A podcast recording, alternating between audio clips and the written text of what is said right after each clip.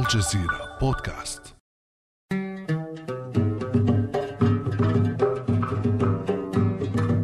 يقف الرئيس الصومالي المنتهي ولايته محمد عبد الله فرماجو مع الرئيس المنتخب حسن شيخ محمود يدا بيد مبديا رضاه بالنتيجة ومباركا له بالفوز. أسلم لك اليوم ملفات كثيرة كما استلمتها منك قبل خمس سنوات. أهمها ملف الجيش. وأرجو أن تواصل بناء الجيش لمكافحة حركة المجاهدين الشباب بالإضافة إلى ملف تنظيم انتخابات شعبية مباشرة وملف صوماليلاند وحماية خيرات البلد وسيادة الصومال. تعلمون أن بلدنا يتعافى من مشاكل ذات جذور عميقة. لذلك أرجو من الشعب الصومالي أن يكونوا سندا لحكومتكم. وأعدك أن أكون سندا لك وأرجو لك التيسير من الله. in ilaah ku fuudo بهذه الكلمات تم تداول السلطة سلميا وانتهت الانتخابات بمشهد إيجابي ليلة الخامس عشر من شهر مايو. لكن الرئيس المنتخب تنتظره تحديات جسيمة داخليا وخارجيا وينتظر منه الشعب الصومالي أن يواصل الجهود من أجل بناء دولة صومالية قوية. فما هي العقبات الداخلية والخارجية؟ وكيف ستتعاطى الحكومة الجديدة مع هذه التحديات؟ وإلى أين يتجه الصومال مع رئيسه الجديد؟ بعد أمس من الجزيرة بودكاست أنا خديجة بن جنه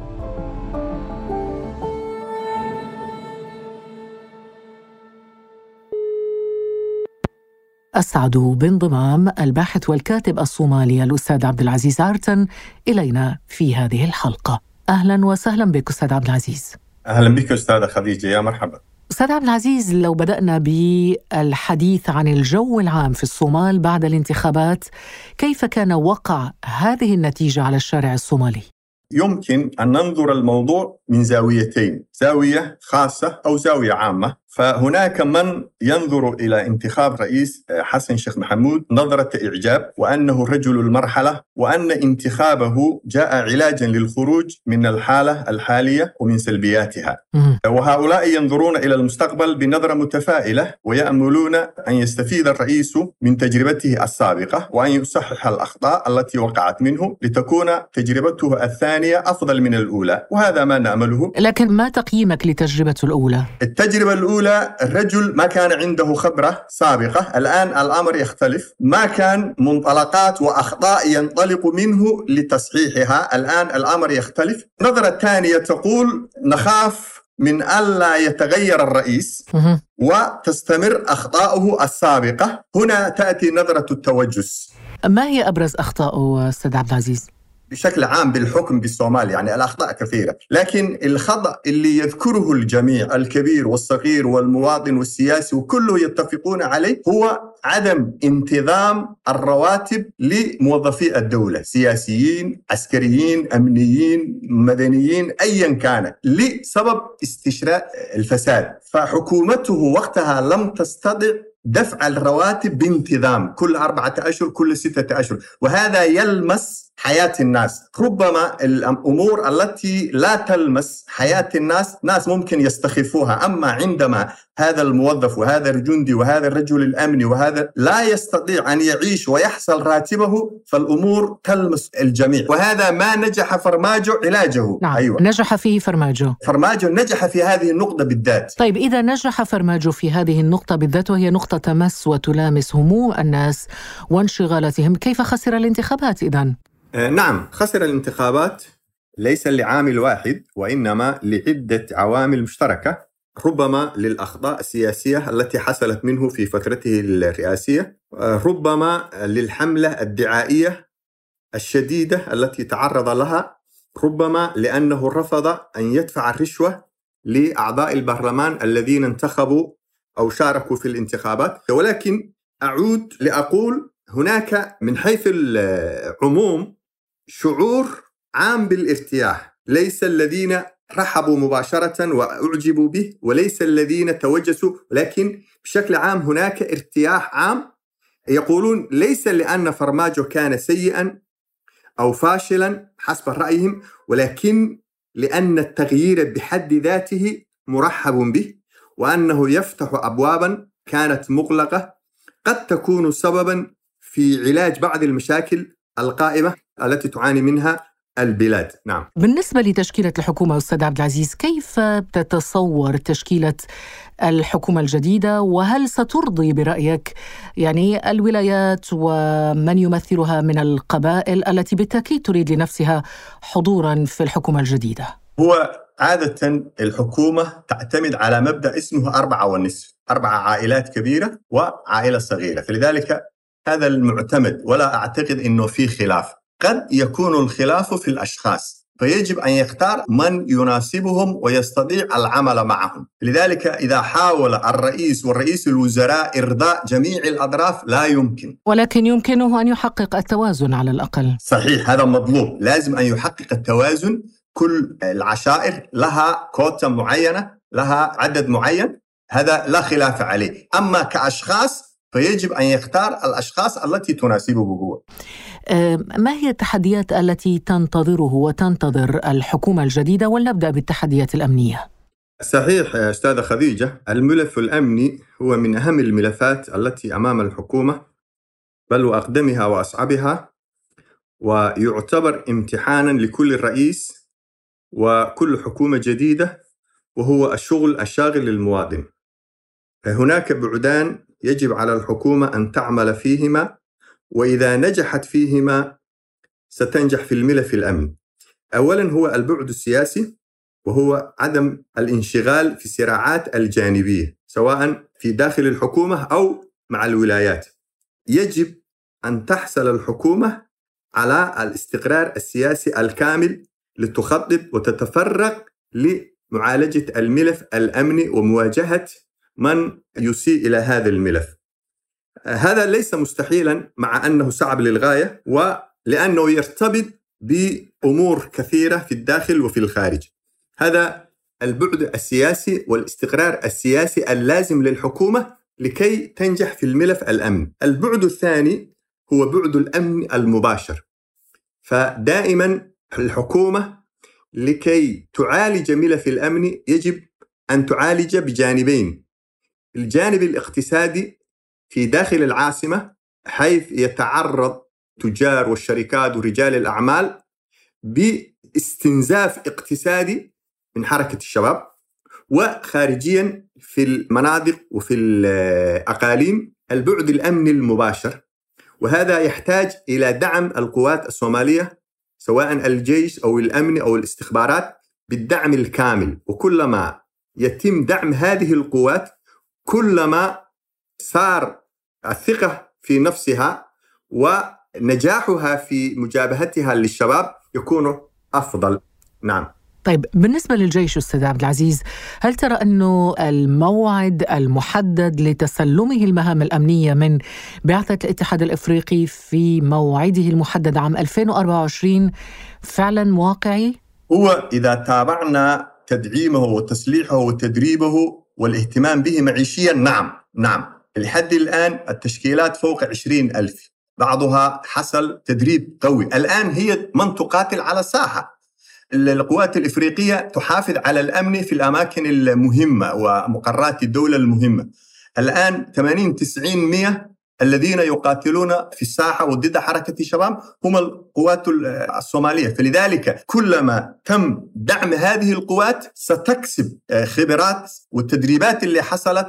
كلها سيؤدي إلى رفع جهوزيتها وفعاليتها. طيب هذا على الجانب الأمني، بالنسبة للجانب الإنساني أستاذ عبد العزيز، يعني معروف إنه المأساة الإنسانية كبيرة، هناك نحو خمسة ملايين طفل يحتاجون إلى مساعدات إنسانية حسب منظمة يونيسف، وهذا بسبب الجفاف، هل هناك برأيك أي حلول مطروحة أو قد يعني تكون الحكومة الجديدة قادرة على طرحها لمعالجة هذا الوضع؟ أستاذة خديجة السؤال دعنا نقسم إلى شقين الشق المتعلق بالمنظمات الدولية وتصريحاتها والشق المختص بالجفاف. صحيح أن الصومال يعاني جفاف.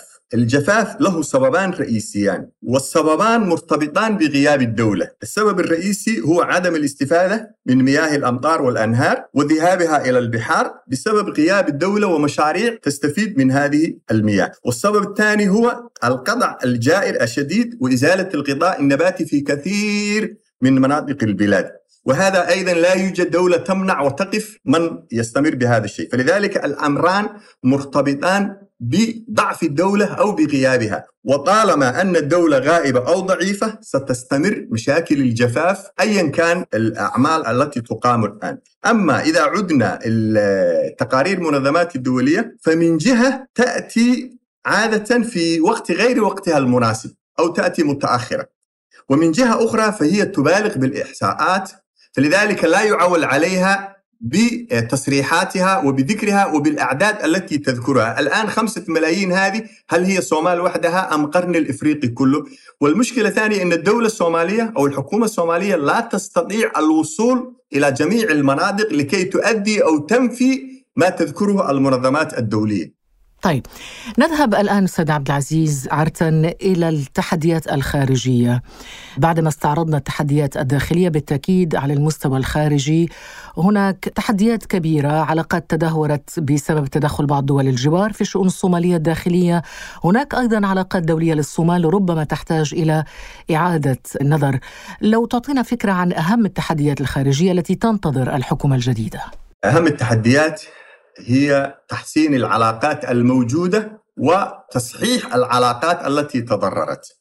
دول المنطقة خاصة دول الجوار عندما نقول دول الجوار دائما نقصد ثلاثة دول جيبوتي وإثيوبيا وكينيا، فما عدا جيبوتي دائما العلاقات كانت متوترة وساخنة. تقصد متوترة وساخنة مع كينيا وإثيوبيا؟ مع كينيا وإثيوبيا عادة قديما. توترت العلاقة مع جيبوتي أواخر الحكومة السابقة وأعتقد أنه حلها ليس كبيرا لا يحتاج إلى عناء كبير فتتم تصحيحه بسهولة إن شاء الله. علاقة حاليا الصومال مع إثيوبيا أيضا علاقة تتسم بهدوء. إلى الآن الأمر يتم بهدوء تام بين الصومال وإثيوبيا. العلاقات المتوترة حاليا والشديدة حاليا هي مع كينيا. وكينيا سابقا كانت هي أفضل لنا من إثيوبيا علاقاتها كانت أهدأ. حتى استقبلت آلاف مؤلفة من اللاجئين الصوماليين آوتهم اشتغلوا واستثمروا في أراضيها ولكن في طمعها الحالي على الأراضي الصومالية وسمعتم موضوع الخلاف البحري والمحكمة الدولية كل هذا أجج الموضوع وتدخلها السافر في الشأن الصومالي. ما تصفه بالتدخل السافر في شؤون الصومال؟ هل يعني أنها تدعم المعارضة الصومالية؟ ما نوع التدخل؟ الآن كينيا تصرفها كأنها طرف صومالي وليست دوله أجنبية لازم أن يكون لها علاقات محترمة بين الدولتين وعلاقات احترام بين الدولتين. أعطيك مثال بسيط اخت خديجة لكي تفهم مغزى كلامي أو يكون المستمع يفهم أكثر. لدينا حاكم إحدى الولايات الصومالية التي تقع على الحدود الكينية الصومالية، هذا الحاكم الآن في الحكم له أكثر من عشر سنوات. أكثر من عشر سنوات، الآن في الدورة الثالثة من الحكم. لم يحدث في الصومال بعد العودة أن اختير الرئيس لفترة ثانية أو رئيس ولاية لفترة ثانية. لم يحصل إلا هو. ليس بقوته ليس بقوة القانون وإنما بقوة كينيا. أن يتم اختيار رئيس ولاية ثلاث فترات هي قوة كينيا وتدخلها في الشأن الصومالي. هذا مثال واضح لما نعانيه من كينيا. طيب بالنسبة لباقي الدول على المستوى الدولي؟ على المستوى الدولي الأمور مختلفة من دولة لأخرى طبعا نحن نرحب جميع الدول لعلاقات سواء حسن الجوار أو علاقات أخوية وصداقة ويعني لا نستثني دولة عن دولة نعم أخوية مع كل الدول ماذا عن أمريكا مثلا؟ أمريكا دولة صديقة تختلف ليست أخوية هي دولة صديقة لها مصالح كيف نقدر أن نوزن مصالحها معنا ومصالحنا معها؟ هل مصالحكم مع إعادة القوات الأمريكية إلى الصومال؟ عندما سحب ترامب قواته من الصومال لم يستشر مع الصوماليين مع الحكومة السابقة. وعندما أعلن بايدن أنه سيعيد القوات أيضا لم يستشر مع الحكومة الحالية ومع الحكومة الجديدة والرئيس الجديد. إذا انسحاب القوات وإعلان إعادتهم تم من طرف واحد. لو كان لنا مصلحة لتمت استشارتنا. شوف الآن أستاذة خديجة أمريكا كل يوم في هذا الظرف أوكرانيا تستشير وتتصل معهم وتسأل احتياجاتهم. لا ترسل شيء إلا بطلبهم أو باستشارتهم. فلذلك لو كان الأمر متعلق بنا لاستشارت ولسأتنا نعم. أفهم من كلامك أنكم ضد عودة القوات الأمريكية إلى الصومال. شعبيا نعم ولكن الحكومة ربما تأخذ موقف دبلوماسي أكثر انسيابيا وأكثر انسجاما. صحيح إذا تريد أن تقبل فلتقبل ولكن لازم ألا يكون هذا إعاقة للقوات الصومالية. بعض المحللين أو بعض المصادر تذكر أن أمريكا تعود وتزيد قواتها التي تدربها للقوات الخاصة الصومالية الصاعقة من أجل منافسة تركيا. الآن تركيا تدرب قوات خاصة صومالية اسمه النسور أو قرقر. أمريكا تدرب قوات خاصة صومالية اسمها الذنب أو الصاعقة. وكم عدد القوات التركية؟ دربتها تركيا كبير أكثر من 15 ألف تقريبا بس بتشكيلات مختلفة. عدد تدريب وليس وجود لقوات تركية. نعم. تركيا لها قاعدة. لها قاعدة في الصومال أكبر قاعدة خارجية. تدرب أولا القوات الصومالية في قاعدتها في مقدشو ثم تأخذ إلى تركيا. اقتصاديا طبعا لم نتحدث آه، كثيرا عن التحديات الاقتصادية أستاذ عبد العزيز. اقتصاديا ما الذي ينتظر الرئيس الجديد؟ الكثير من الأمور الاقتصادية هي ليست تحت إدارة الحكومة. الحكومة وحكومات الولايات ربما تدير الموانئ والحدود وكذا ولكن التجار ورجال الأعمال هم من يستلمون معظم الأمور الاقتصادية. الجانب الاقتصادي الذي تتحكمه الحكومة هو المفاوضات مع الهيئات الدولية. وعلى رأسها صندوق النقد الدولي. صندوق النقد الدولي. الآن رئيس حسن في فترته السابقة بدأ بإعفاء الديون عن الصومال. الحكومة السابقة والرئيس فرماجو أكملوا. الآن بعد كم شهر ربما يتم آخر ملف في إعفاء الديون. ربما وقتها تحصل الصومال القروض والمشاريع الاستثمارية. المشاريع التنموية. الحكومة السابقة عندما استلمت ملف الاقتصادي كمثال عندما استلمت كان الميزانية بسيطة جدا 240 أو 250 مليون. الآخر الميزانية التي تم الاعتماد عليها آخر الحكومة هي قرابة مليار 900 مليون وكذا. فهذه لم تأتي عن فراغ. لو الحكومة اشتغلت بنفس المستوى ونفس الوتيرة وتحارب الفساد ولو أدنى حد ممكنة ستحقق شيء من الإنجاز في الجانب الاقتصادي. نعم. طيب هل أنت متفائل بالمستقبل؟ مع وصول هذا الرئيس الجديد آه، حسن شيخ محمود؟ والله دائما نحن متفائلون يا أختي خديجة. إن شاء الله دائما يا رب. و... والظروف تجبرنا أن نتفائل إذا توافر أمران اثنان للرئيس وللحكومة الجديدة فأنا أعتقد أن الأمور إن شاء الله ستأخذ بالطريق الصحيح. حكومة ذو خطط وبرامج واضحة لمعالجة الملفات الراهنة التي ذكرناها. نعم. شكرا جزيلا لك.